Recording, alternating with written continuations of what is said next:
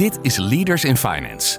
Een podcast waarin we op zoek gaan naar de mens achter het succes. We praten met leiders van nu en later over hun drijfveren, carrière en privéleven. Waarom? Omdat er meer gesproken moet worden in de financiële sector. We willen de partners van deze podcast hartelijk bedanken voor hun steun. Dat zijn Interim Valley, EY, Otters Berndsen Executive Search en Roland Berger. Onze gast deze week is een accountancy-adviseur met authentieke zienswijze. Ik denk dat er markt is voor twee soorten kantoren. Uh, kantoren die groot genoeg zijn om fors te investeren in in ieder geval ICT. En ik denk dat er hele kleintjes, die zo klein zijn dat ze dat soort investeringen niet nodig hebben en die er plezier aan hebben, dat die ook blijven. Je sterke en zwakke punten moet je niet verbergen, vindt hij. Ik vind LinkedIn een heel goed middel om open te zijn over jezelf. Het is natuurlijk een deel reclame voor mezelf. Maar wat ik veel belangrijker vind, is totale transparantie. Zodat mensen weten wat ze in huis halen. Is totale transparantie dan niet één? Oh ja, ik schaam me nergens voor. Het belooft een heel interessant gesprek te worden. Met onze gast Arnoud van Kempen. En je host is Jeroen Broekema. Welkom bij een nieuwe aflevering van Leaders in Finance. Vandaag spreken we Arnoud van Kempen, zelfstandig adviseur in de accountancy en een bekende naam in de wereld van compliance, accounting en toezicht. Welkom Arnoud. Dank je. Leuk dat je er bent. We zitten samen in, uh, in Driebergen. Het is prachtig weer buiten. Wij kijken uit over het groen hier. En het traditiegetrouw begin ik uiteraard met het spellen van jouw naam. Dat is Arnoud, A-R-N-O-U-T. En Van, V-A-N. En dan Kempen, K-E-M-P-E-N. Het is niet heel gemakkelijk om jou te introduceren, omdat je heel veel verschillende dingen doet. Dus ik pretendeer niet volledig te zijn, maar ik wil een aantal dingen noemen. Arnold is werkzaam als zelfstandig compliance officer en doet dat meestal voor accountantskantoren. Hij is daarnaast onder andere lid van de commissie Financiële Verslaglegging en Accountancy van de Autoriteit Financiële Markten, AFM. En lid van de Signaleringsraad van de Nederlandse Beroepsorganisatie van Accountants, de NBA. Ook is hij docent voor de SRA, dat is de Vereniging voor Accountantskantoren in het MKB voor de MBA en voor Saxion Hogeschool. Wat ik ook interessant vind om te vermelden is dat, zij, eh, dat, hij, zijn, dat hij een rol heeft als diaken van het bisdom Sertogenbos. Arnold werkte eerder voor onder andere VB Accountants, BDO, de Autoriteit Financiële Markten en PwC. Arnold is tot slot 52 jaar, getrouwd en vader van vier zoons en woont in Sint-Michels-Gestel. We hebben al een beetje een, eh, een eerste beeld van jou. Mhm. Wat ik uh, eigenlijk zou willen vragen als eerste je doet veel verschillende dingen, maar waar ben je nou eigenlijk het meeste tijd mee kwijt? Het meeste toch wel met, met nou ja, eigenlijk alles rond, rond het accountantsberoep en dan vooral de compliance kant uh, daarvan. Uh, dat, is, dat is zeg maar rustig 70, 80 procent van de tijd. En heb je dan heel veel opdrachtgevers waar je dingen doet? Of zijn er een paar waar je het meeste. nee, ik heb een paar. Uh, ik ben extern compliance officer van, van twee grote MKB-kantoren. De twee morgkantoren in Nederland. DRV en MTH. En dan een aantal uh, wat kleinere kantoren, uh, waar ik dus ook minder uh, veel tijden kwijt ben. Ik denk van die twee kantoren, dat is, dat is een dag of drie, vier per week. En is het dan zo dat dat met, met, met zeg maar projectmatig gaat, dat je één keer heel veel tijd ermee kwijt bent en dan weer minder? Of is het gewoon structureel dat je echt die dagen daarvoor werkt? Dat is wel structureel. Het is sinds corona allemaal wat losser geworden, omdat je geen reistijd meer hebt. En dan merk je dat agenda's zijn ook gaan bewegen. Ehm, maar in principe is dat wel een vrij vaste stroom. Je hebt natuurlijk altijd incidenten dat je het opeens druk hebt. En er zijn momenten dat het wat minder is. Maar het is, het is wel constant. En als we daar binnen gaan kijken, wat zijn dan de topics waar je het meest mee, uh, meest mee bezig bent? Voor die twee kantoren, dat zijn allebei kantoren met, met compliance afdelingen. Dus daar doe ik niet alles op mijn eentje. Um, en dan ben ik toch vooral bezig met uh, de WWFT-gerelateerde zaken, fraude-gerelateerde zaken, dingen als tuchtrecht, uh, de incidenten, de bijzondere dingen. Uh, en daarnaast het, het uh, opbouwen, verbeteren gewoon van de, de compliance-functie binnen zo'n kantoor. Maar goed, dat is, daar ben ik mee bezig, maar daar zijn een hele hoop mensen binnen zo'n kantoor mee bezig. Ja, en wat, wat, vind je zelf, wat vind je zelf de leukste, de leukste onderdelen ervan? Dat, uh, dat vinden de meeste accountants niet leuk om te horen. Maar wat ik zelf echt het leukste vind, zijn de tuchtzaken. Dat is, um, uh, ik, ik, ik hou wel van een robotje vechten. En dat is zo'n tuchtzaak. Uh, dat, is, dat is vechten met de wapens waar ik me goed in thuis voel. ja, ik heb daar wel, wel pret om. voor de betrokken accountants is het over het algemeen echt heel erg niet leuk. Het, het, wordt als heel emotioneel belastend ervaren. Um, dus ik moet ze ook altijd even waarschuwen van tevoren. Van, joh, ik, ik help je, maar Ja, onderweg ga je merken dat ik het leuk vind. En dat is voor jou op zich goed nieuws. maar je moet je daar soms even overheen kunnen zetten. Maar kan je, kan je nog iets explicieter zijn wat daar dan leuk tussen aanhalingstekens is? Wat, wat, het, wat het voor jou interessant maakt? Het is schaken, het is het spel, het is het, is het nadenken over nou ja, de slimmigheidjes in de regelgeving. Het heel goed opletten wat je tegenpartij doet. Uh, waar is een klacht op gebaseerd? Het kan ook zijn dat een klacht gewoon terecht is. Dat je ook heel snel ziet van dit is terecht. Maar dan moet je nog nadenken over hoe ga je je schade beheersen. Nou, noem het maar. En doe je dat uh, in een, met een hele groep? Of welke rol neem je daarin in dan? Nou, er is, er is altijd een advocaat bij. Uh, je hebt een paar gespecialiseerde advocaten in Nederland uh, die, die dat tuchtrecht doen. En verder zijn er een hele hoop advocaten die er wel wat aan doen. Die specialisten hebben ook de minste ondersteuning nodig. Uh, maar dat, dat is dus een deel. Het gewoon het op, op inhoud ondersteunen van de advocaat. en het meedenken in, in hoe dat proces loopt. En, en ook wel als je vanuit de compliance kant erin zit, uh, zitten er natuurlijk twee kanten aan. Want het zegt ook iets over wat is er binnen ons kantoor gebeurd. Wat, wat kunnen we hiervan leren? Wat, nou ja. En jij draait al, al, lang mee. Zijn die, die tuchtzaken, zijn dat er nou meer geworden? Zijn ze anders geworden in de loop der tijd? Nee, dat is eigenlijk... In de, in de periode die ik kan overzien, is dat, valt dat wel mee. Het is, de meeste tuchtzaken komen ook niet uit wat mensen wel misschien verwachten uh, de wettelijke controlepraktijk, maar komen vooral uit de samenstel- en adviespraktijk. Daar gaan dingen mis. En, uh, en eigenlijk gaan altijd dezelfde standaard dingen mis. Uh, er worden technische fouten gemaakt, nou, die zijn relatief makkelijk. Dat kun je, ja, fout is fout. Ehm, dingen die misgaan zijn conflicten van klanten. Twee ondernemers die samen in een VOF zitten, die uit elkaar gaan, ruzie krijgen en de accountant die daarbij fouten maakt uh, ondernemers in echtscheiding. Gegarandeerd dat daar uh, gedonder van komt. En als je daar als accountant tussen staat, dan krijg je waarschijnlijk klappen mee. Uh, wat ook heel vaak fout gaat, is, uh, of ja, relatief vaak fout gaat. Accountant wordt ingeroepen om, om een rapport te schrijven, een feitenonderzoek te doen. En kan het niet laten om zijn mening te geven. En, en vaak hebben accountants niet eens door dat ze een mening geven. Uh, maar ja, dat mag niet in zo'n rapport. Ja, dan is er een tegenpartij die zich aangevallen voelt. En zegt, ja, vriendelijke vriend, uh, zo werkt het niet.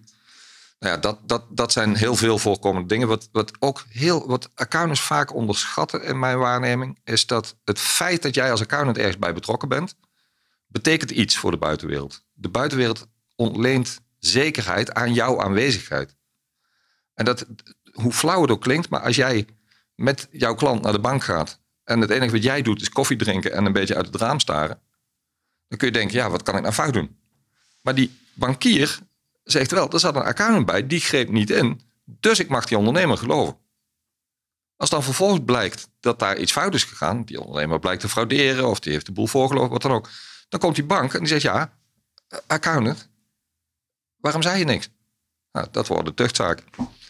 En dat, dat zie je toch ook wel varianten daarop. En het hoeft niet altijd een tuchtzaak te worden, maar varianten daarop zie je wel veel gebeuren. En dan is het toch een beetje onderschatting van de accountant van zijn eigen belang. Maar neem je dat veel mee ook in al die, al die plekken waar je opleidingen verzorgt? Ja. Deze kant? Want ja, zeker. wel in de opleiding zit toch, dit, dit, dit verhaal? Ik vind het te weinig. Ik vind de opleidingen, het, het is, dat is echt veranderd wel in de afgelopen twintig jaar. Als ik het vergelijk met toen ik de opleiding deed en nu. Dan is de aandacht voor dit soort onderwerpen veel groter geworden gewoon dingen als ethiek en, en, en je maatschappelijke rol, dat is echt veel groter geworden. Uh, wat dat betreft, dat, dat kun je de opleidingen niet verwijten. Maar dan nog, um, ja, heeft dat niet de eerste prioriteit. Ook niet van de kantoren, ook niet van de studenten. we kunnen daar allemaal prachtige beelden bij hebben. Eh, dat, dat jongelui naar de middelbare school komen en denken de wereld gaan verbeteren. Maar die komen toch voor een heel groot deel ook gewoon om een vak te leren. En, en inkomen te verdienen. En ja, dat geleuter over ethiek en zo, dat zal allemaal wel. Maar er is echt een flink deel dat dat niet zo spannend vindt. En dat snap ik ook. Als jij 18, 19, 20 bent, dat je dan denkt, ja, ga toch weg zeg. Ja, want over dat accountantsvak, hè, dat is misschien wel een mooi bruggetje. Wat ik interessant vind is, ik, ik interview natuurlijk ook veel mensen die uit in de fintech-wereld. Hoe, hoe, wat is die relatie met de technologie nou eigenlijk in het accountantsvak? Ik ben echt een buitenstaander in, de, in de accountancy. Ik kom echt veel meer uit die bankaire kant. Maar hoe, hoe staat het met de techniek? Hoeveel gebruik wordt er gemaakt van techniek en hoeveel is het nog mensenwerk en waar zie je dat naartoe bewegen? Het is uh, voor het overgrote deel mensenwerk en het is veel te weinig techniek. Ehm, ik heb de komst van de, de elektronische dossiers gezien. Dat, dat, heb ik echt actief meegemaakt. Uh, toen ik bij uh, toen nog Coopers Lybrand begon, werd dat daar net ingevoerd. En dat was een van de eerste kantoren. Ik geloof dat EY of Deloitte ietsje voor lag toen nog. Maar goed, dat, dat was toen echt nieuw. En dat is dan vooral het, het elektronisch ondersteunen van het uh, opstellen van je werkprogramma. Het, het, nadenken over wat ga ik nou doen. Hè. Gezien een bepaalde risicoanalyse moet je bepaalde stappen doen. Daar is de ondersteuning best aardig inmiddels. Ook de vastlegging van wat je doet gaat elektronisch. Dat is, dat is echt heel behoorlijk geregeld.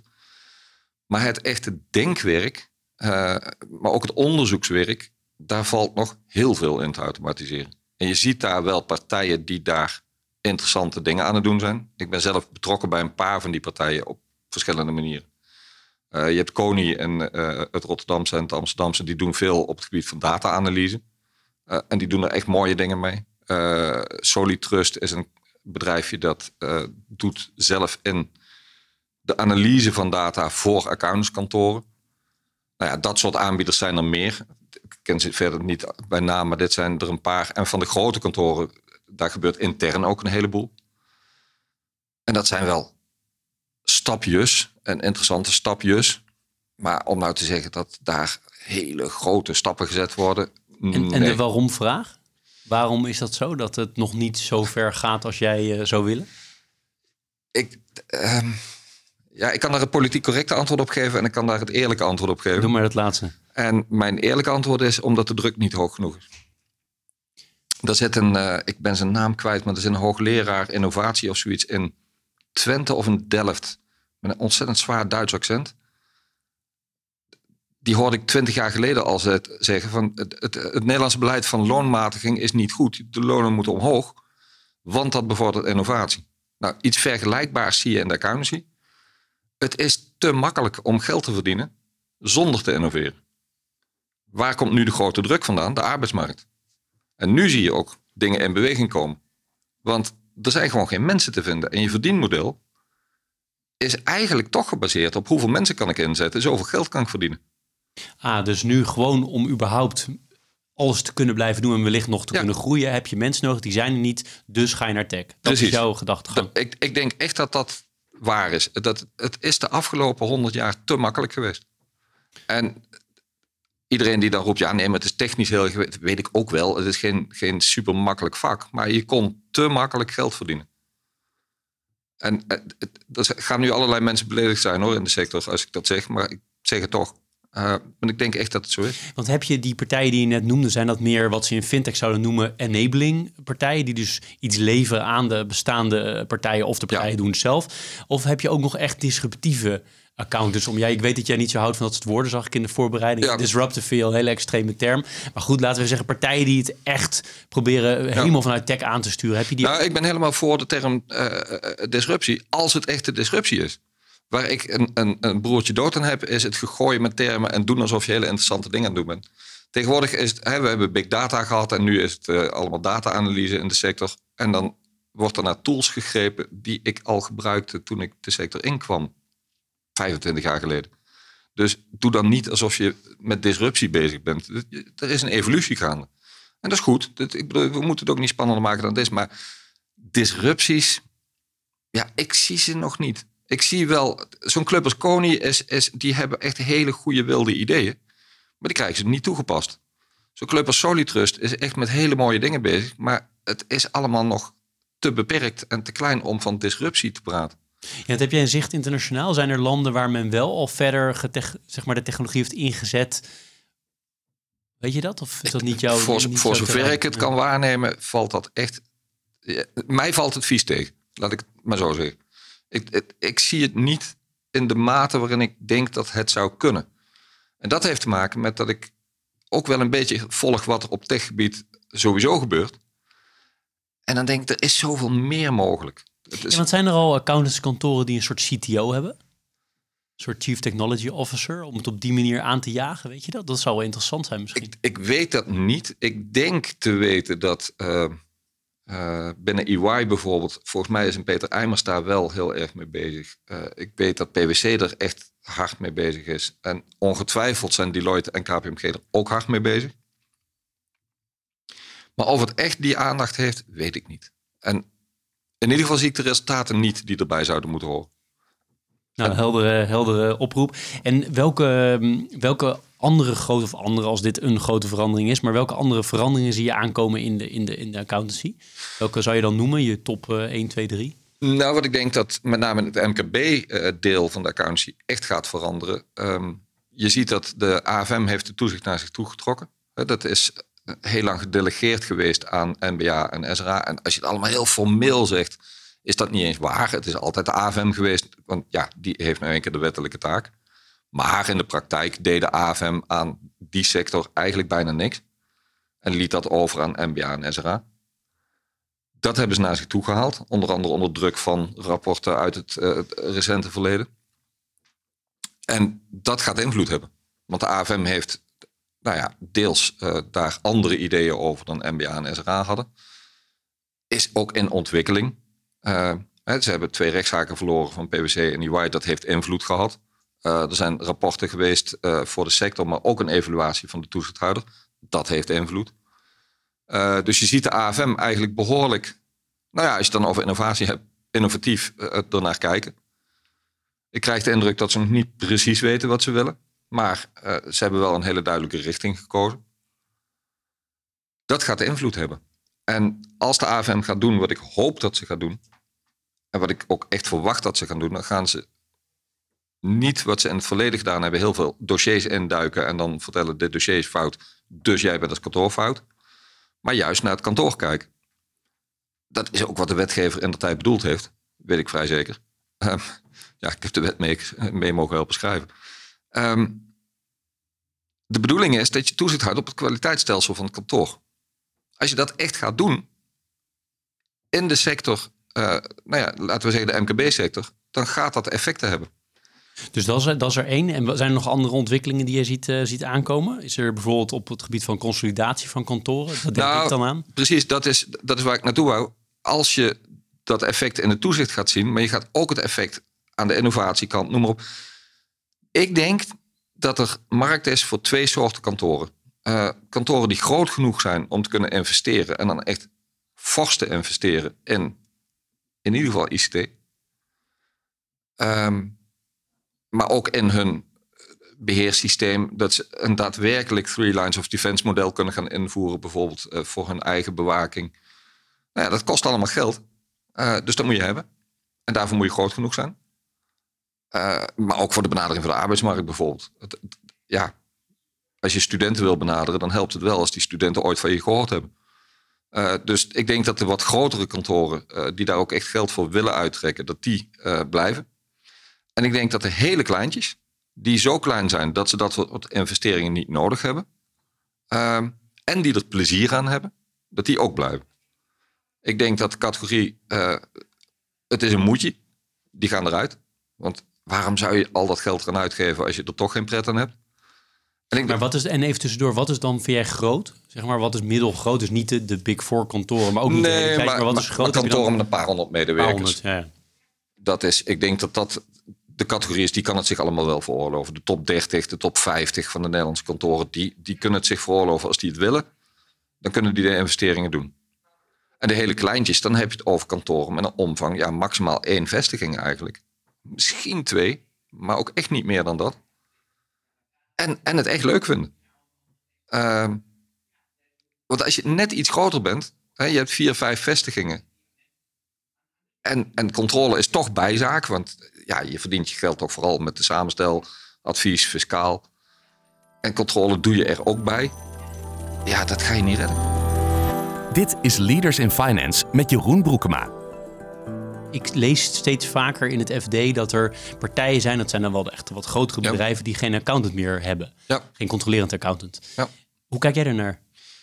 Um, nou ja, de, de, minister heeft in al zijn wijsheid, de vorige minister althans, uh, bedacht dat het dan een goed idee was om een aanwijsplicht in te voeren. Ik vind dat het meest krankzinnige idee dat ik in tijden in deze sector gehoord heb. Ik vind het van een domheid Echt niet te geloven. leg even uit voor, de, voor mensen die dit nog nooit hiervan gehoord hebben. Nou, de gedachte is dat, dat er bedrijven zijn die kunnen geen accountant vinden. maar voldoen verder aan alle eisen. Ze zijn bereid om een normale rekening te betalen. Ze zijn bereid om hun systeem op orde te brengen. Het zijn gewoon degelijke, integere bedrijven. En toch kunnen ze niemand vinden. Daar geloof ik niks van. Als je aan dat soort eisen voldoet, kan je iemand vinden. Als je niemand kan vinden, is er dus iets aan de hand. En dat kan zijn omdat je een krent bent. Je wil niet betalen uh, voor de dienstverlening die je krijgt. Ja, dan kun je niemand vinden. Dat snap ik ook. Het kan zijn omdat je niet integer bent. Het kan zijn omdat je je systemen niet op orde wil brengen. Ja, dan wordt het lastig. Dus dit is niet een probleem van de accountantsector, dus echt een probleem van die bedrijven, zeg je eigenlijk? Of? Ja, maar het wordt wel mede veroorzaakt doordat de accountantssector uh, uh, moeite heeft personeel te vinden. En dat is weer niet zo gek als je bedenkt dat ze 15 jaar op een kop gezeten zijn. Als je maar blijft roepen in de pers wat een verschrikkelijk waardeloze sector het is en dat ze allemaal niet presteren, het zijn allemaal prutsers en, en, en, en het zijn geldwolven, noem maar op. Ja, dan ga je dan niet werken. Dus ook deze komt terug bij het personeel. Dus dat is echt wel het allerbelangrijkste issue op dit moment wat jou betreft. Uh, personeel is, is, is nou ja, naast innovatie. Ik denk dat daar wel een hoop te winnen valt. Maar ik denk dat personeel uiteindelijk kwantiteit en kwaliteit van je medewerkers is alles. Hoe ben jij ooit personeel geworden van deze sector? uh, nou ja, min of meer toevallig. Um, ik ben technische natuurkunde gaan studeren in, in Eindhoven. Middelbare school, echt een beta-pakket. Um, alleen, ik was op de middelbare school te goed. Uh, waardoor ik op de universiteit niet studeerde en dacht dat ik het ook allemaal wel kon. En de eerste tentamens wezen uit dat dat niet werkte. Ik haalde alleen maar drie en vier. Het was echt heel treurig. En nou ja, toen ben ik gaan oriënteren. Uiteindelijk, ik had al een kamer uh, in het Eindhovense, dus ik wilde niet verhuizen. Dus ik ben niet naar Tilburg gegaan, uh, maar ben HEO gaan doen. En toen ik daarmee klaar was, had ik een beetje het gevoel van ja, maar ja, dat is toch jammer. Ik, ik wil een universitaire opleiding doen. Alleen nu moet ik erin hebben die door mijn werkgever betaald wordt. En omdat ik een hele slechte student ben, moet ik ook een werkgever hebben die erop zit. Nou ja, toen kwam ik in de accountancy uit. En dat, maar kom je er niet zomaar uit? Hoe gebeurt zoiets? Nou, dat, de tweede man van mijn moeder, die was accountant bij uh, Coopers Lybrand. Dat hielp. Uh, en wij hadden op een gegeven moment een sollicitatietraining uh, op de HRO. Want ik deed bedrijfsinformatica, dus ook niet richting accountancy. En daar hadden ze een aantal IT-bedrijven die dan HR-mensen stuurden. Maar ze hadden ook iemand van Coopers Lybrand weer. die, die deed een training en die vertelde wat over... Ja, wat doen accountants nou eigenlijk? En dat vond ik eigenlijk heel aantrekkelijk klinken. Dus uh, het, ja, zo ben ik het vak maar ingerold. Ja, want wat ik wel grappig vond over die, wat je net zei over die, dat je slechte student was, heb ik zo ook nog iets over vragen, vind ik wel boeiend. Maar ik heb ook nog nooit iemand gezien, eh, ik heb toch best wel veel LinkedIn-profielen gezien, maar die zijn cijfers van zijn middelbare school op zijn LinkedIn heeft staan. Oh ja, ik schaam me nergens voor. ik vond het wel mooi, maar is er een bepaalde reden voor dat je dat gedaan hebt? Nou, ik, ik, ik, ik vind LinkedIn uh, een heel goed middel om open te zijn over jezelf. En ik vind dat, uh, zeker nu ik ZZP'er ben, uh, het is natuurlijk een deel reclame voor mezelf. Uh, maar wat ik veel belangrijker vind, is eigenlijk totale transparantie. Zodat mensen weten wat ze in huis halen. ook, ook de zwakke dingen, maar ook de sterke dingen. Dus ja, ik heb heel graag klanten die blij met me zijn vanaf het begin. Ja, want dat, dat viel me op in de voorbereiding. Je bent opvallend open over een enorme hoeveelheid verschillende eh, onderwerpen. En uh, precies wat jij zegt, niet alleen de dingen die per se als positief gepercipieerd zullen worden. Of positief is misschien wat. Uh, Maar je staat dus eigenlijk voor wat een van mijn vorige gasten, Jacqueline van de Ende, noemt dat radical transparency. Ja. Dat, daar sta je ook wel achter, Absoluut. achter die term. Absoluut. Ja. ja. Weet je, ik heb het meegemaakt. Ik heb bij uh, Koppels en later PwC gezeten. Ik zat daar, nou ja, ik, ik ging langzamerhand het traject in dat uiteindelijk moet eindigen met partner worden, maar echt heel erg aan de voorkant nog. En dan merk je dat je sommige dingen niet kan. En, en in je jeugdige overmoed denk je dan van dat compenseer ik wel of dat praat ik wel goed. En ik heb steeds meer geleerd, dat heeft helemaal geen zin. Je moet je richten op waar je echt goed in bent en je moet compenseren waar je niet goed in bent door dat anderen te laten doen. Ik heb Terwijl met mijn achtergrond zou je dat raar kunnen vinden. Maar ik heb een accountant die voor mij de administratie doet, de fiscale aangiftes doet, die ook bewaakt dat ik dat op tijd doe. Wat heb ik slecht in? Nou, dan besteed ik het liever uit dan dat ik er interessant loop te doen alsof ik overal goed in ben. Want dat ben ik niet. Maar dit is een mooi voorbeeld, hè? want er zijn natuurlijk zeker in de accountantsector, van wat ik daar een beetje ja. als buitenstaander van zie, is dit iets wat ze, dat niet snel iemand zal zeggen. Nee. Terwijl het waarschijnlijk wel zo is. Ja. Er zullen wel meer partners zijn van uh, kantoren die dat doen. Ja. Maar dat is misschien wel per uitstek, bij uitstek een sector, zijn er meer hoor, maar de financiële sector misschien zijn algemeenheid wel. Maar misschien zeker deze sector, waarbij dat echt opvalt dan, jouw manier van doen. Ja, nou ja, ik hoop het, want ik vind het iets positiefs. En ik heb het ook met vallen en opstaan geleerd. Ik, ik ben ook begonnen met nergens nee tegen zeggen en doen alsof je alles kan. En, en, en maar compenseren door nachten door te trekken en dat soort flauwekul. Dat is, dat is echt heel ongezond.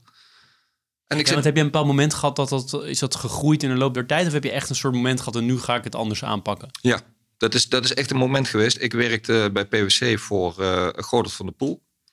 Fantastische leidinggevende, echt fantastisch. Een partner die, nou ja, op een gegeven moment merk je dat je door zo iemand langzamerhand voorgesorteerd wordt van, nou, wie weet zit het erin. En op een gegeven moment was duidelijk, het zit er niet in.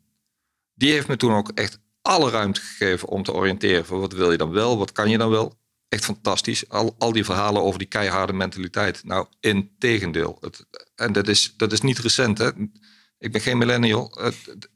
ik ben echt, ik kan niet anders zeggen, liefdevol behandeld. Ehm, maar het was daar wel heel duidelijk. Dit is het niet voor jou. Dit is, projectmanagement, dat commerciële, dat, dat zit. Ik ben van de inhoud van de techniek, daar hou ik van. En daar heb ik me echt kunnen oriënteren. Toen heb ik de overstap naar de AFM ook gemaakt. Want ja, daar, daar, daar kun je veel meer inhoud kwijt en veel minder uh, projectmanagement en, en commercie is daar niet nodig. Commercie zeker niet. Um, en daar, daar heb ik wel die les geleerd, ja. Je moet gewoon niet doen wat je niet kan.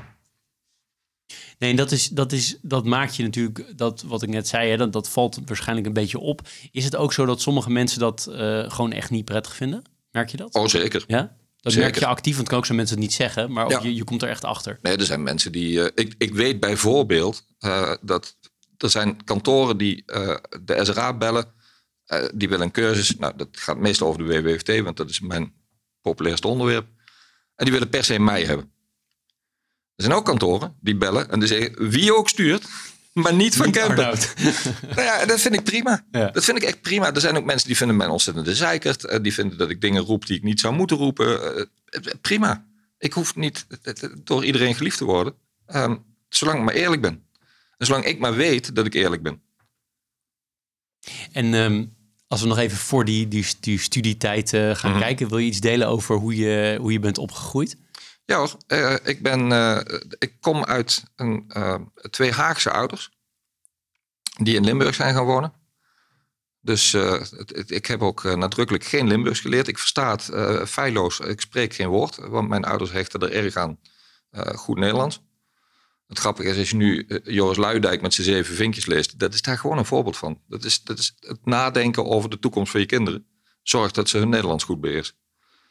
Um, maar goed, opgegroeid in Limburg. Een hele, hele prima jeugd gehad, volgens mij. Um, Jena Planschool. Waar, waar was dat in Limburg? Uh, Ittervoort. Klein dorpje bij Torren. Torren is ietsje bekender.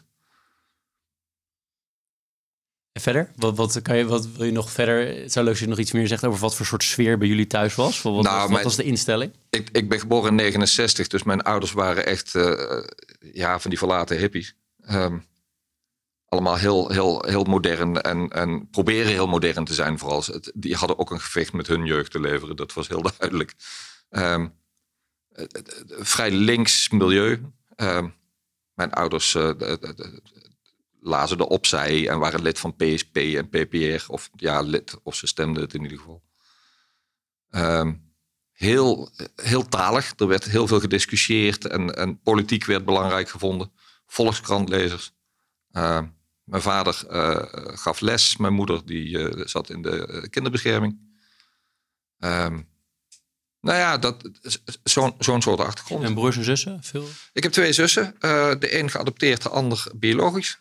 Um, die geadopteerde zus die, die, die heeft nogal gebroken met het gezin. Die vindt met terugwerkende kracht dat ze heel slecht behandeld is. Um, dus ik heb eigenlijk één zus. Uh, die is twee jaar ouder dan ik. Uh, een, een, een, typische rijksambtenaar. Politicologie gestudeerd. En de, eigenlijk het hele leven bij allerlei... Die hebben de rekenkamer gezeten, bij de WRR. En nu zit ze op een ministerie. Ik weet niet wat ze exact doet. Maar um, het zit ook een beetje in de toezichtskant, grappig genoeg. Ja, want wat vonden je ouders ervan toen je, toen je die accounting, uh, accountantswereld inging? Nou, mijn ouders waren toen al lang en breed gescheiden. Dat, toen was ik elf. Uh, dus voor mijn moeder was het, uh, nou ja, zeker niet gek, want die was inmiddels hertrouwd met een accountant. Dus ja, het is niet haar wereld. En, uh, maar die vond er verder niet zo heel veel van, geloof ik. Mijn vader vond het allemaal niks, want ja, dat is, uh, het gaat over geld en het is rechts en het is, nou ja, dat deugt allemaal niet. Maar goed, in de ogen van mijn vader ben ik hoe dan ook mislukt, want ik ben ook nog eens katholiek. En dat, ja, gekker kun je niet maken in zijn wereld. Ja, want dat, dat uh, zei ik in de introductie. Je bent uh, ook diaken, je bent dus ook actief in de kerk. Uh, is, wat was dat moment dat je bent dus niet zo opgevoed, hebben we net nee. begrepen? Nee. Dus hoe is dat zo gekomen? Nou ja, het, het gekke is, ik ben wel degelijk in een katholieke sfeer opgegroeid. Ehm, mijn familie van vaderskant is een typische arbeidersfamilie, katholieke arbeidersfamilie. Van moederskant uh, is het een, nou, ergens richting upper class ondernemersfamilie. Brabants. Heel katholiek. Echt heel katholiek. En daar krijg je toch iets van mee. Dus in die zin, het is, ik ben niet, niet katholiek opgevoed. Maar mm, mijn ouders waren wel onderweg naar de uitgang toen ik nog heel klein was. Mijn vader is echt vijandig naar de kerk geworden. Mijn moeder niet. Die is meer zo van, nou ja, goed, het is mijn wereld niet meer. Maar wat jij wil. Ehm, ja, het is voor mij. Uh, ik ben eigenlijk tijdens mijn studie kerkelijk ietsje meer betrokken geraakt. Eindhoven Studentenkerk. Uh, mijn vrouw komt ook uit een katholieke familie. Daar heb ik ook uh, wel wat van meegekregen. En, en op enig moment, zoals dat dan heet, een roeping gehad. Um, ja. Dat was, was echt ook een moment. Ja, ja, ja. ja. En dat vind ik wel grappig. Dat is nu de tweede keer dat je zegt het was echt een moment. Terwijl de meeste mensen zeggen ik ben ergens uh, incrementeel ingegroeid. Ja, nee, dat is echt wel. Ja. Ik, uh, we waren tijdens, uh, nou ja, ik denk zo rond 18e en 19e uh, op kloosterweekend bij de trappisten van Achel. en daar zat ik tijdens de complete, het, dat is het slotgebed van de dag, in de kerk. En um, nou ja, echt letterlijk een roeping. Gewoon de ervaring van je moet iets. En voor mij was dat eigenlijk, dacht ik, het klooster in. Ja, ik had al een vriendin, dus dat werkt niet zo goed. Dus dat heeft jaren gesluimerd. En op een gegeven moment las ik iets over een diakenwijding. Ik wist niet wat diakens waren. Dat was voor mij echt een nieuw begrip. Uh, maar ik las het en ik wist op dat moment, dit is wat ik moet doen. Ja, en dat is echt een opleiding die je gedaan hebt, hè? Ja, ja, ja. Dat is, uh, het, het, je, je, volgt een uh, opleiding van een jaar of vier. en dan word je gewijd. en dan ben je diaken. En, en ik bedoel, het is moeilijk samen te vatten, maar wat leer je in zo'n opleiding precies? theologie, filosofie, liturgie, exegese, dat soort dingen. Pastoraat. Maar het was dus niet iets waar, waarvan je uh, zegt van het was, het was een roeping en nou ja, ik ben er even mee bezig geweest en weer vanaf. Het is je echt ja, ja. je levenspad geworden. Ja, je hebt ook echt serieus gestudeerd daarvoor. Dus, ja. En wat doe je er nu mee? Uh, nou, ik heb wat uh, gedoe gehad binnen de parochie waar ik zat. dus ik heb mijn bischop gevraagd me te ontslaan in die parochie. Want dat leverde ook weer alleen maar gedonder op. Ja, ik, ik ben voor sommige mensen heel lastig. Um, wat ik op dit moment uh, doe, is, is relatief beperkt. Uh, ik heb bij wat bevriende parochies, kan ik ze nu dan wat doen. Um, en ik heb van de bisschop een uh, zending gekregen om um, het, het contact te onderzoeken met moslims en protestanten. Dus dat, daar ben ik eigenlijk voornamelijk mee bezig.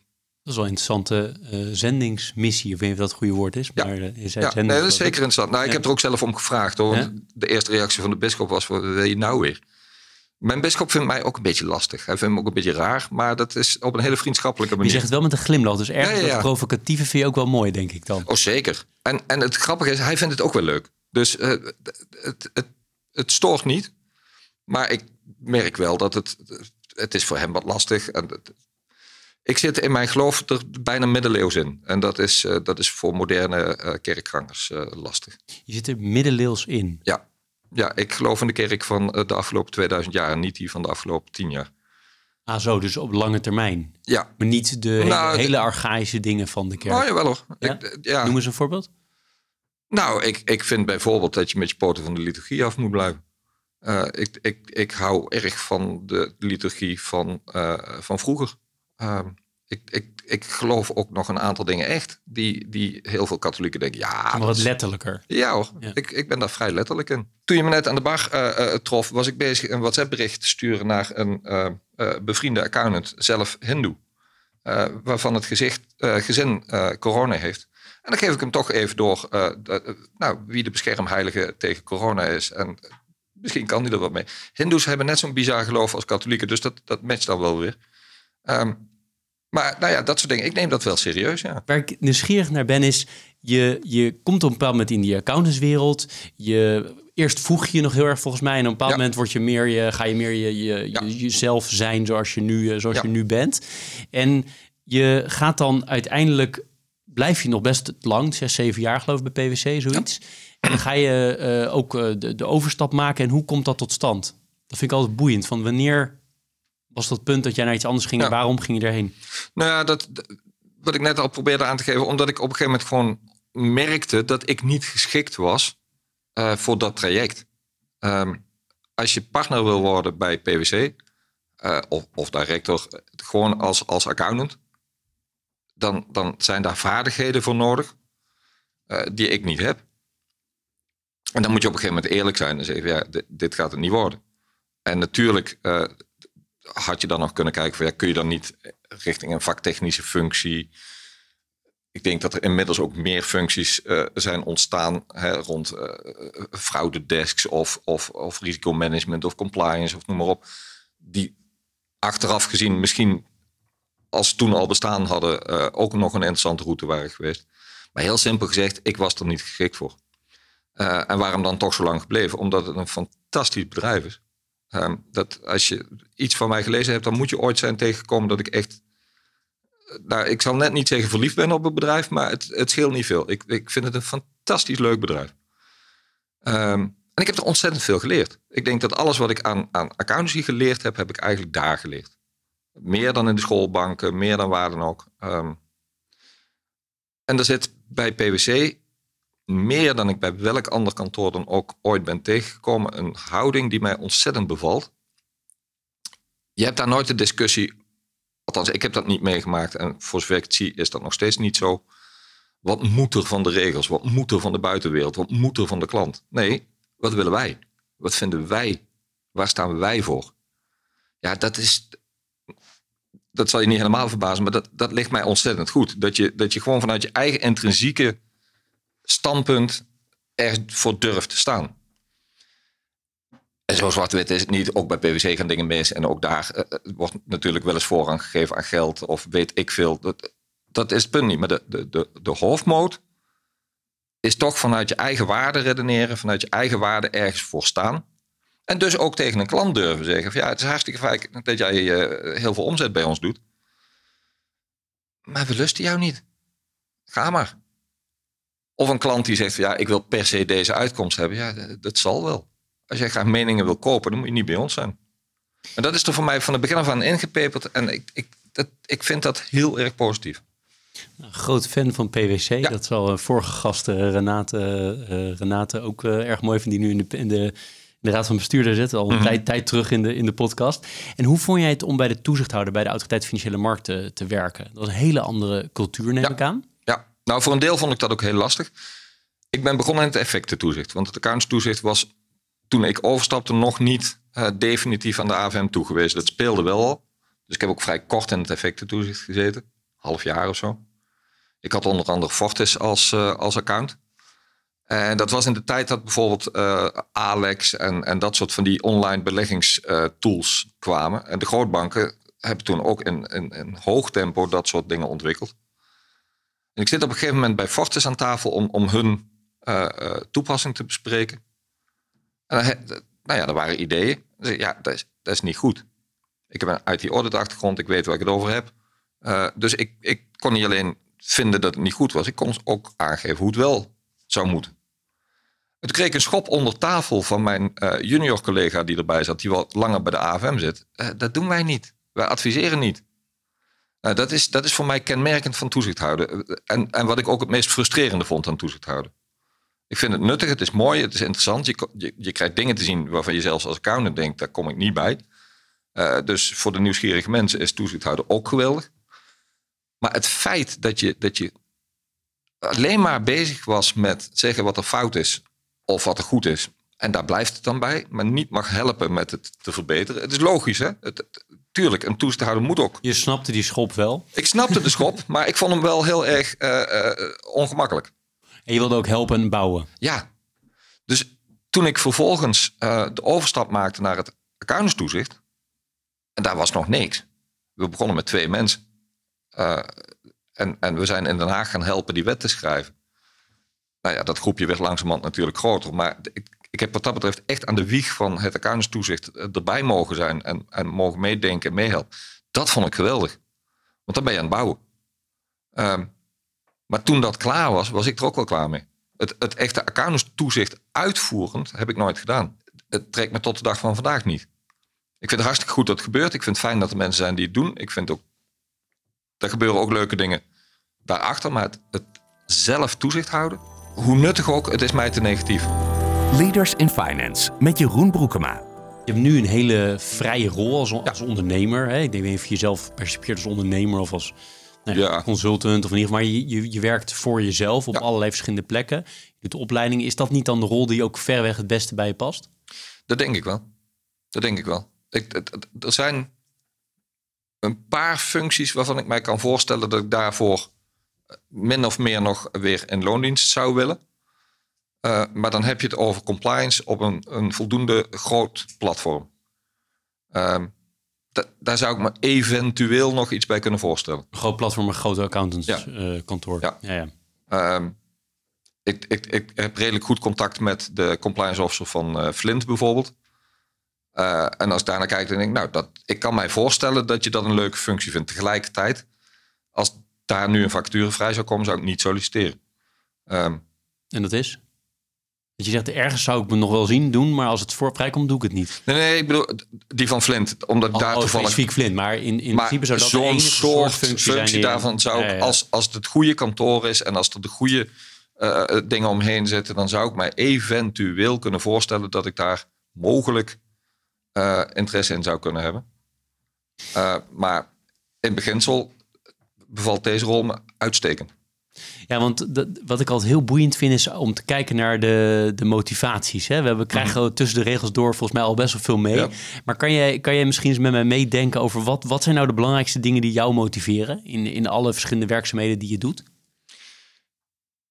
Dat zegt niks en tegelijkertijd is dat wel wat het is. Ik moet het leuk vinden. Ik moet er echt zelf pret aan hebben. Um, nou ja, en er zijn best veel dingen waar ik pret aan heb. Dus doe ik ook veel dingen. Uh, maar dat, dat is voor mij een belangrijke. En wat ik merk dat mij ook wel drijft, is ik wil impact hebben. Um, en dat gaat ook nergens over, dat weet ik ook wel. Maar het is, het, ik, ik Waarom merk, gaat het nergens over dan? Nou ja, ik bedoel, impact. Over duizend jaar is iedereen het weer vergeten. Dus wat dat betreft gaat het nergens over. Uh, nou ja, we hoorden net dingen die uh, al duizenden jaren zo zijn. Dus, uh... Ja, maar daar heb ik dan weer geen invloed op. Dat is, daar heb je dan weer geen invloed op. Nee, maar weet je, het is zoiets. Het feit dat ik heb mogen meeschrijven aan de wet toezicht accountsorganisaties. Er zijn hele stukken van die wet nog steeds die gewoon waar ik mijn ideeën in terugzie.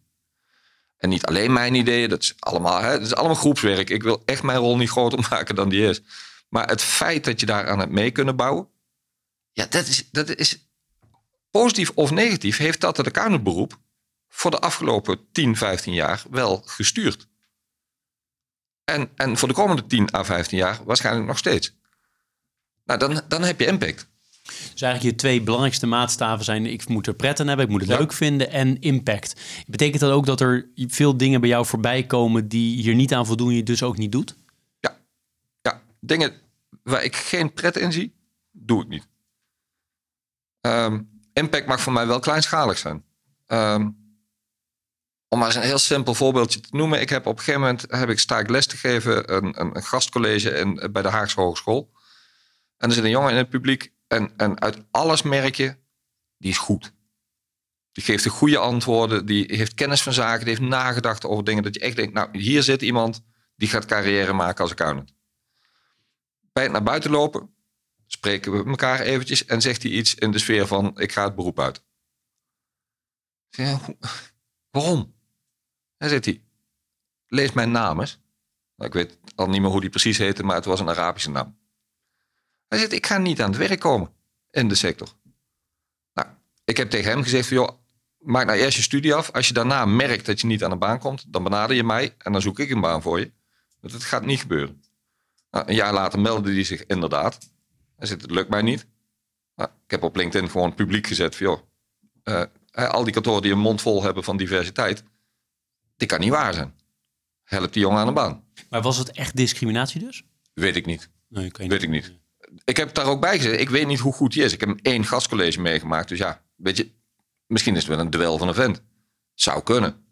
Alleen, ik denk, uit wat ik gezien heb, dat, dat hij een kans zou moeten krijgen. Nou, die heeft hij ook gekregen. Dus, en als je dan zegt impact, dat is natuurlijk een impact van niks.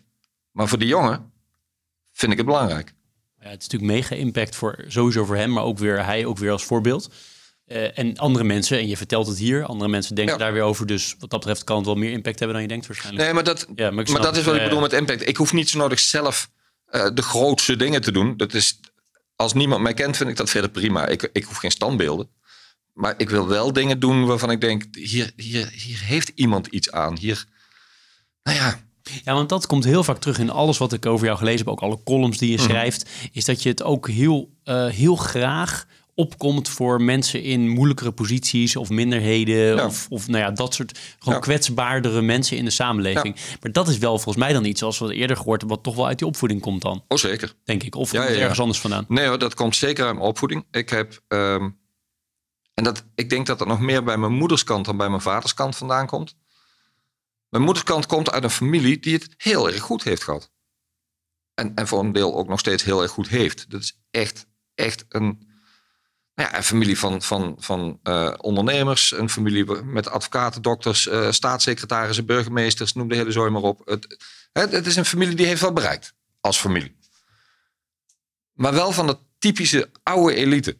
Het, uh, best een elitaire familie, maar wel met een verantwoordelijkheidsbesef.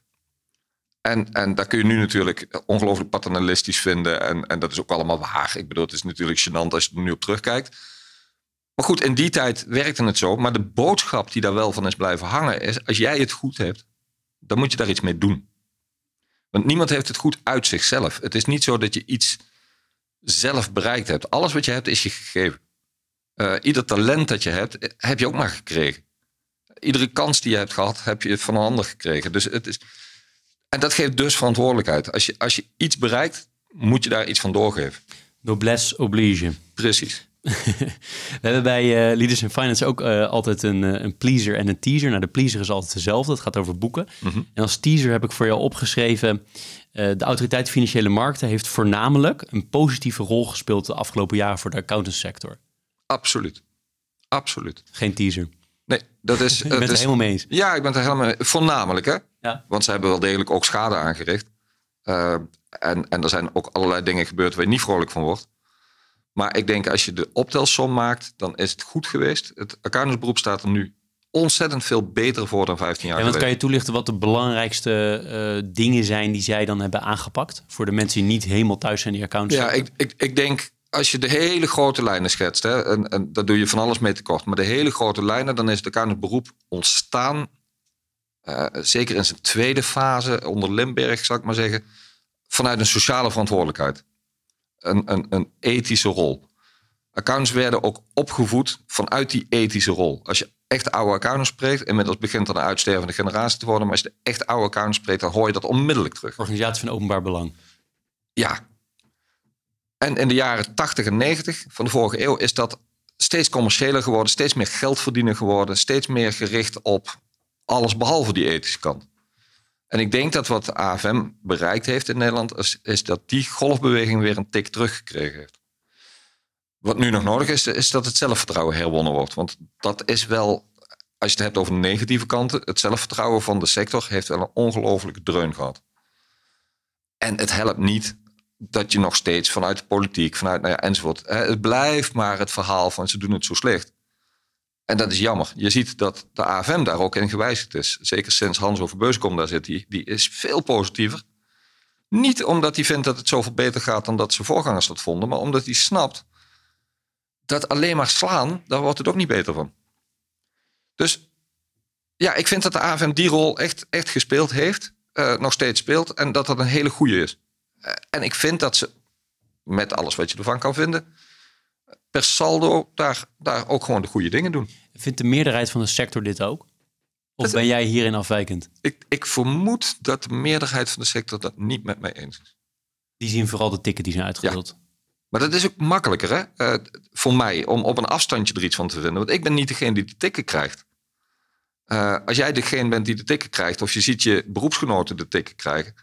Dat je dan... Ja, en er komt bij dat je de AFM ook nog van binnen hebt gezien. Ook dat. Dus dan kan je ook dingen weer beter plaatsen waarschijnlijk. Ja. Ik weet dat er allerlei ideeën bestaan over wat de AFM wil, waarvan ik gewoon kan zeggen, ja, maar het is niet waar. Ik heb er gezeten, ik weet waar het idee vandaan komt, maar het klopt niet. Dus ja, dat helpt zeker. Maar ik kan me voorstellen dat nu de wind misschien iets meer gaat richting uh, wat, wat jij dan eigenlijk in mijn woorden noemt reputatieherstel of iets dergelijks. Mhm. Dat men misschien dan ook wel weer ziet de, dat de positieve kanten aan zitten. Uiteindelijk gaat het allemaal om vertrouwen in die sector. Oh, dat denk ik zeker. Ik merk het bijvoorbeeld, uh, de kantoren waar ik kom. Uh, als het gaat over de vraag, nemen we ergens contact over op met de AFM of niet, is mijn antwoord altijd ja. Neem contact met ze op. Het valt gewoon te praten met die mensen. En iedereen die dat doet, ervaart dan ook dat de AFM een hele positieve, meedenkende uh, En dan worden het ook mensen natuurlijk. En dan worden het mensen. En dan, dan, ja, dat helpt. Maar je moet die positieve ervaringen opdoen. En heel veel mensen in deze markt hebben helemaal geen ervaring. Maar zien wel wat er publiek gebeurt. Zien dat er boetes zijn uitgedeeld bij de grote kantoren. En denken dus, ja, het zal wel heel verschrikkelijk zijn. Um, maar dat valt wel mee. Denk ik echt. Helder. Aan de pleasende kant, mhm. lees je graag? Laat ik dat eerst eens vragen. Als ik er tijd voor heb, ja.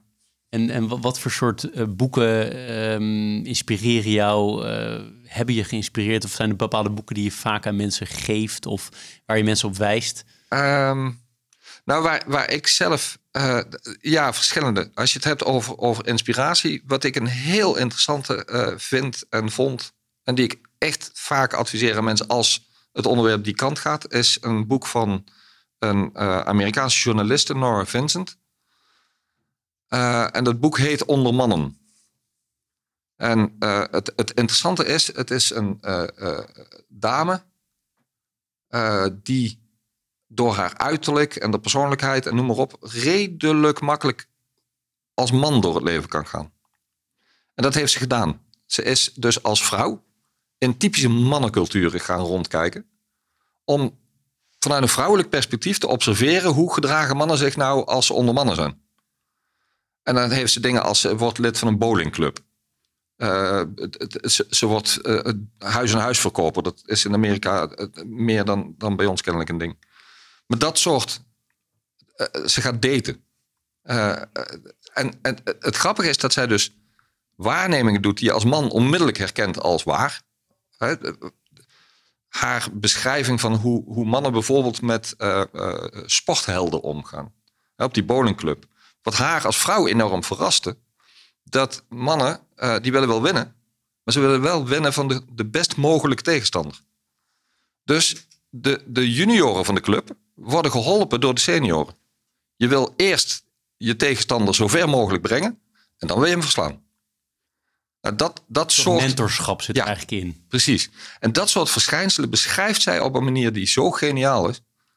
Als je, als je echt iets wil begrijpen van mannen, denk ik, moet je dat boek lezen.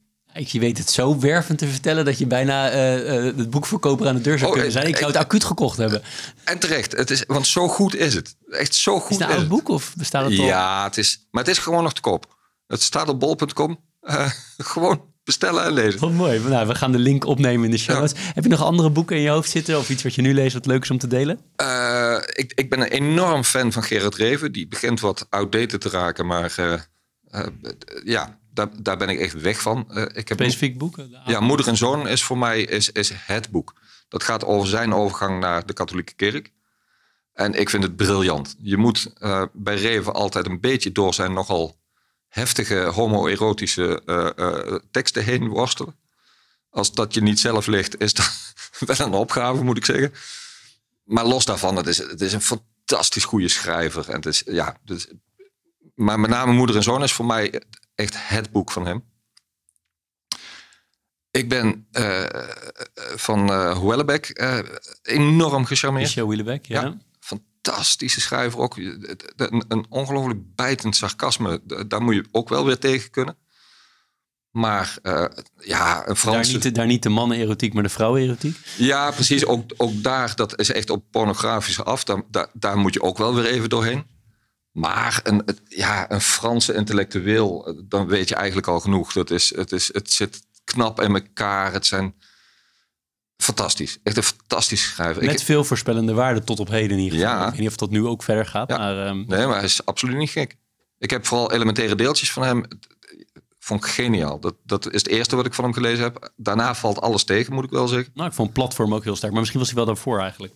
Ja, maar dat is een beetje het punt. Als je, je moet beginnen met het slechtste boek. en dan, dan, dan zit er een opwaartse lijn in.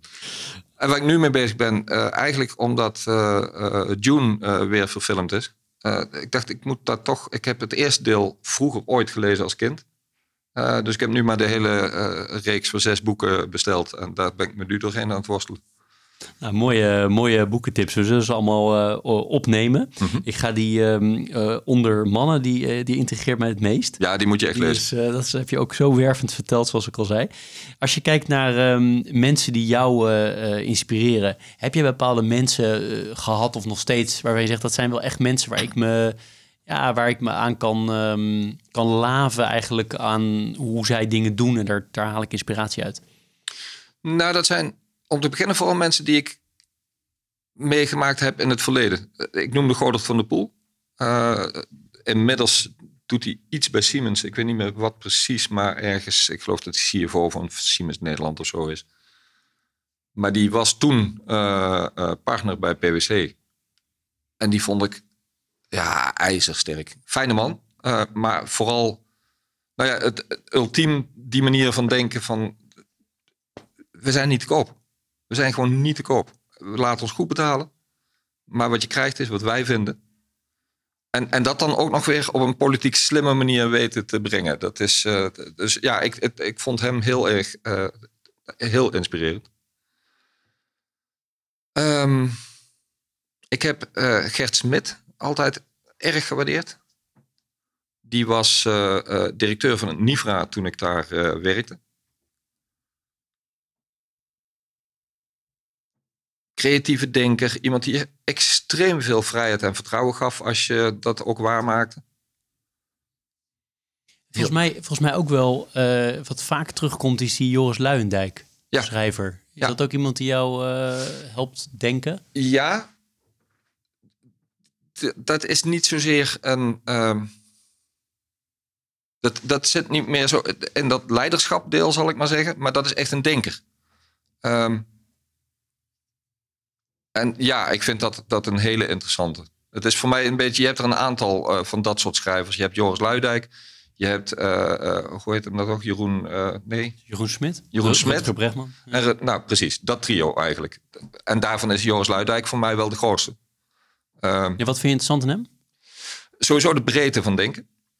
Um, en wat ik ontzettend leuk aan hem vind, hij doet mij een beetje denken aan, aan professor Blokdijk. Die is inmiddels overleden. Dat was een accountant, een extreem consequente denker.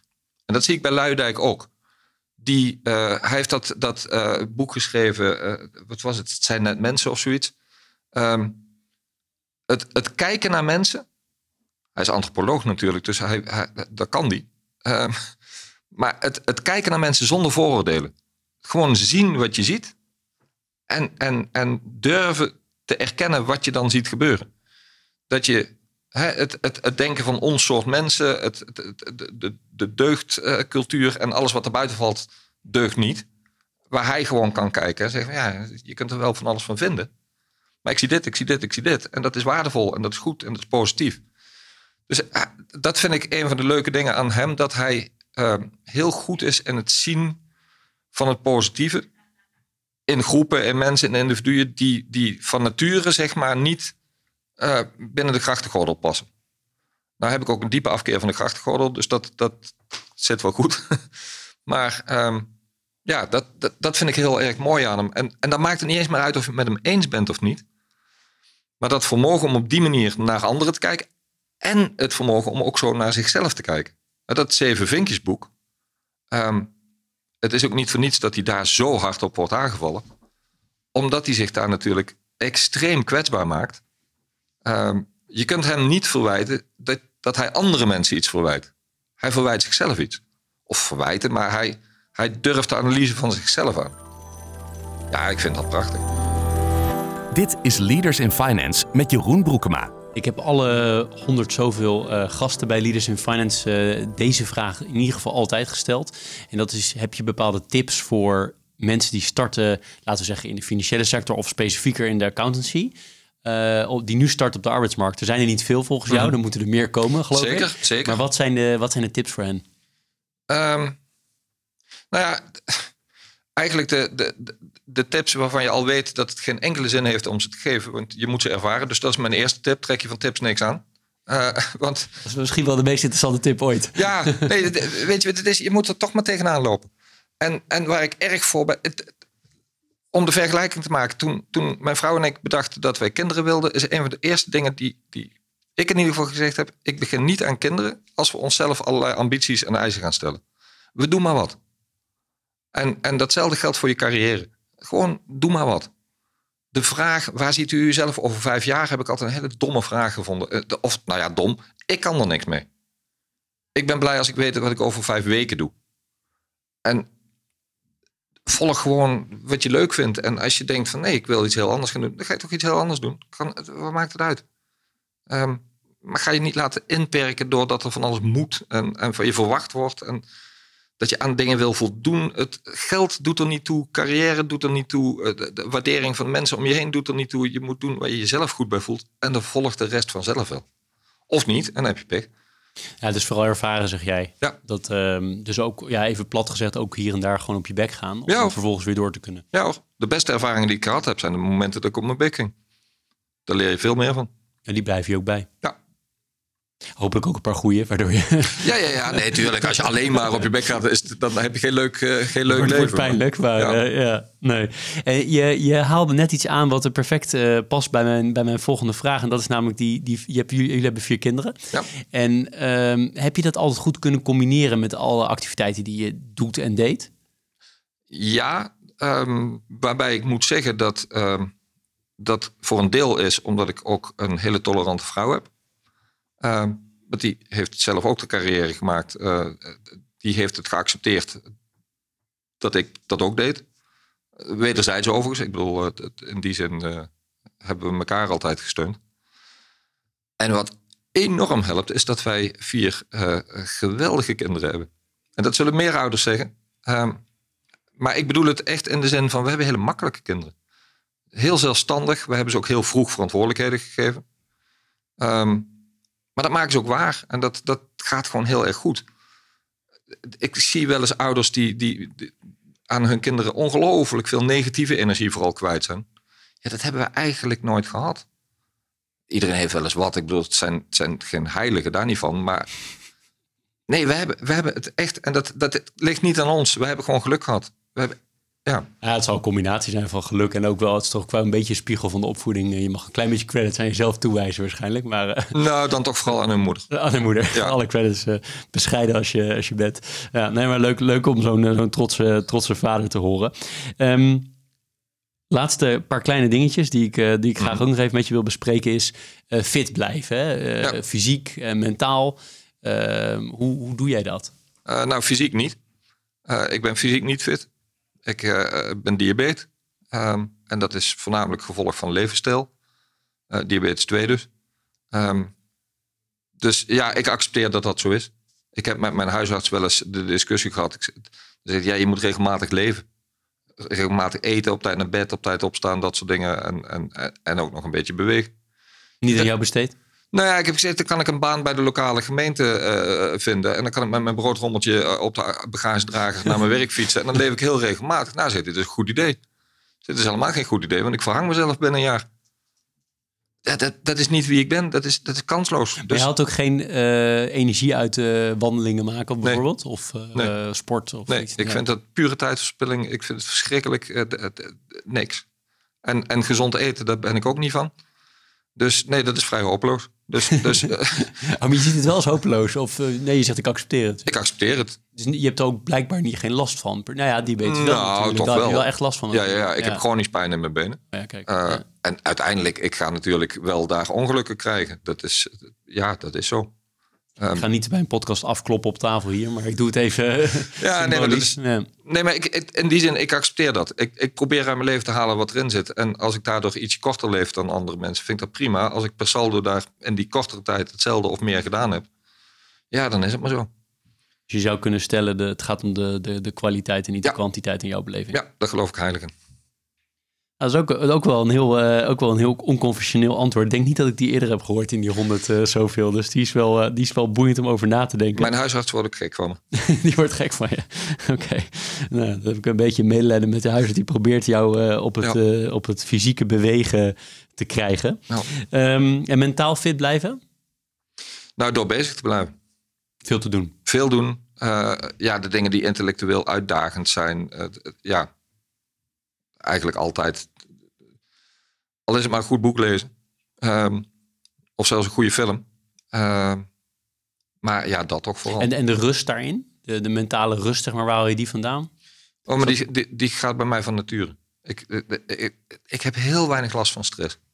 Eh, ook als ik het druk heb, natuurlijk krijg je dan wel eens stress. En, en ja, ik zit wel eens voor een deadline dat ik mijn wekker op vier uur 's ochtends zet. Eh, want de deadline moet gehaald worden. Ik ben een uitsteller tot en met. Ehm, maar ik heb niet het soort stress wat ik bij andere mensen zie. Ja, daar heb ik eigenlijk. Dat heb ik voor het laatst gehad toen ik doorkreeg dat ik bij PwC weg moest. Omdat ik gewoon het verkeerde werk aan het doen was. Maar als ik de dingen doe die ik leuk vind, ik, ik kan heel goed tegen hard werken. Dus, en dat mensen verwachtingen van je hebben. Ja, als je weet dat je die verwachtingen waarschijnlijk wel kan waarmaken, dan heb je daar ook geen stress van. Dus eh, ik ben ook iemand die bijvoorbeeld altijd op vakantie mijn telefoon en mijn iPad meeneemt, eh, zodat ik kan doorwerken.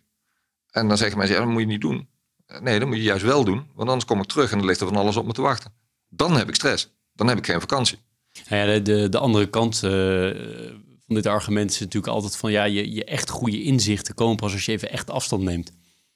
Nou, dat zou kunnen. Misschien dat Ik ik, weet niet hoor, daardoor- ik, challenge hem even. Ja, nee, maar dat is, weet je, ook daar ben ik dan heel praktisch. En misschien dat ik briljante inzichten zou hebben gehad als ik het anders had gedaan. Maar ja, Zwaar. het is wat het is. Ja, Hey, ehm, tot slot, eh, ontzettend leuk gesprek. Maar ik, ik vraag ook altijd nog even, is er... Ik heb heel veel mogen vragen en, en, en ik ga je zo ook daarvoor bedanken. Eh, maar is er nog iets waarvan jij zegt, ja Jeroen, jammer dat je het niet hebt gevraagd? Ja. Of dat zou ik graag willen benoemen. Nou, Ja. meteen een duidelijke ja, dan ben ik benieuwd. kloten met computers. Ja, dat klopt. En dat hadden we in het voorgesprek nog besproken. Precies. Daar heb jij helemaal gelijk in. Eh, want ik had hier opgeschreven, op allerlei plekken kom ik tegen eh, kloten met computers. Wat Ja. is het? Nou, ten eerste is het gewoon hobbyisme voor mezelf. Ik ben van de generatie die eh, de opkomst van de, de, de persoonlijke computer heeft meegemaakt. De eerste Apple, de Apple II, het, het, het- het- echt het 8-bits geweld. Dat is, dat, is, dat is mijn leeftijd en ouder die dat hebben meegemaakt. Daar komt het denk ik vandaan. Ehm, maar wat het voor mij vooral is, ik geloof heel sterk in de, ehm, de innovatieve kant van maar wat aanrommelen met dit soort middelen. Ik denk dat als je respect hebt voor automatisering, dan wordt het niks. Dus vandaar dat ik ook bewust zo grof formuleer. Ehm, E- Even, even dat begrijpen. Als je respect hebt voor automatiseren, dan wordt het niks. ja, Wat bedoel je daarmee? Wat ik ermee bedoel is dat je gewoon zelf zo'n ding uit de kast moet trekken en, en ermee aan het rommelen gaan. En, en gewoon eens een keer tot diep in de nacht doortrekken en, en, en het gevecht met je computer aangaan. Snappen hoe het kring werkt. Het ding laten doen wat jij wil dat hij doet. Heb je het over de hardware of over de software? Maar Beide. Beide. Mag voor mij allebei aan. Het, punt is dat je, je moet er gevoel voor krijgen. En het grappige is, je, je hoort steeds meer, eh, mijn generatie, maar dan degene die niet mee zijn opgegroeid, die dan zeggen, ja, ik snap dat niet meer, maar de jeugd van tegenwoordig, die is ermee opgegroeid, die snappen dat allemaal. Nee hoor, die snappen er geen donder van. Eh, het feit dat mijn kinderen met hun duimen kunnen whatsappen en ik met mijn wijsvinger, daarmee ben ik oud en zij jong. maar ze hebben geen idee hoe het werkt En waarom is dat belangrijk? omdat wil je innoveren, dan heb je een paar dingen nodig. Je, je hebt een probleem nodig, want anders innoveer je niks. Maar je moet ook enig besef hebben van wat er kan. En het leuke van automatisering is, alles kan. Letterlijk alles. Je moet alleen voor jezelf bedenken dat het kan en aan het werk gaan. Gewoon gaan bouwen. Gaan, probeer maar eens wat uit. Alle grote innovaties op ICT-gebied zijn zo begonnen. Doordat er gewoon iemand maar eens wat is gaan aanrotzooien. Wozniak en Jobs die in hun garage gewoon maar een computer in elkaar gingen draaien. En opeens was er een markt. Ik bedoel, we hebben het nu over de PC-markt, maar het is begonnen met Apple en met Tandy, dat, met dat soort bedrijven. Gewoon hobbyisten, wat aanrotzooien.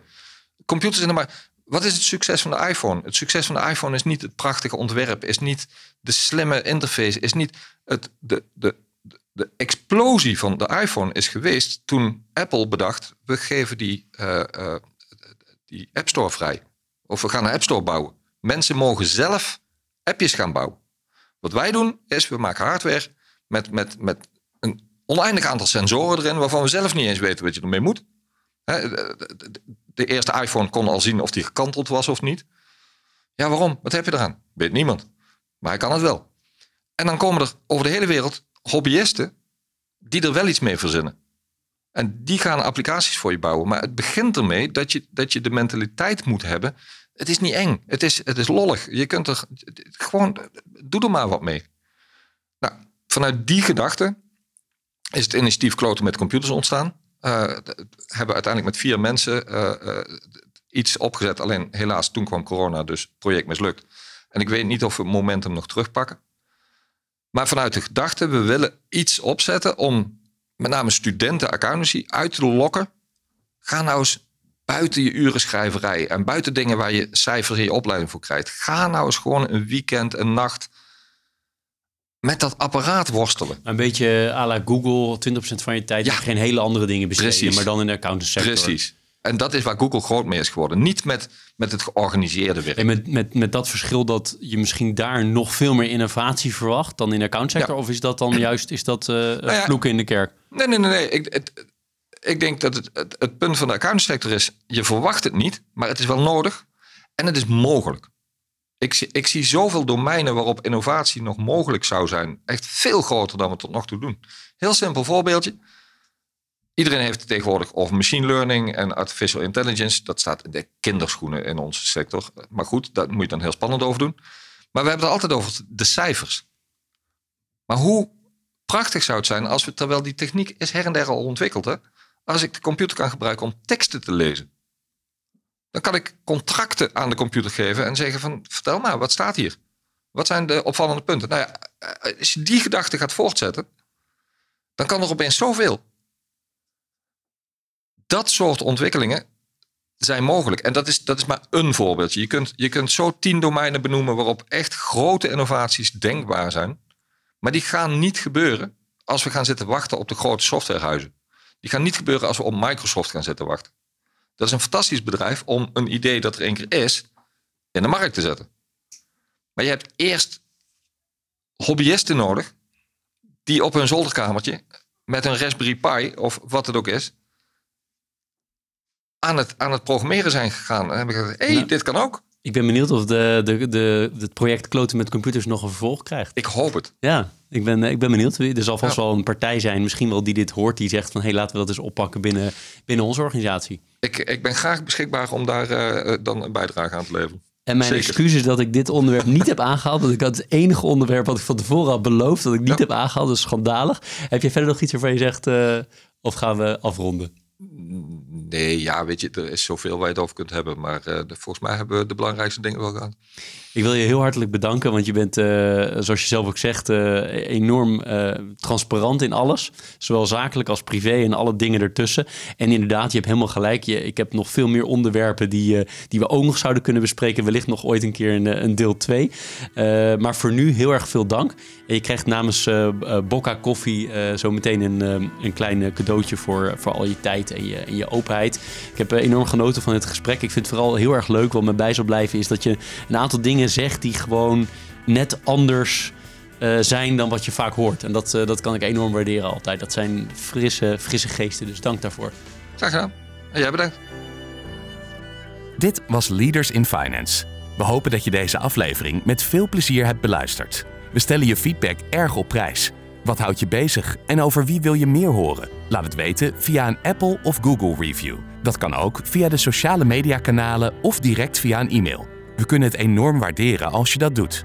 Tot slot danken we onze partners voor hun steun. Dat zijn Interim Valley, EY, Otters Berndsen Executive Search en Roland Berger. Bedankt voor het luisteren.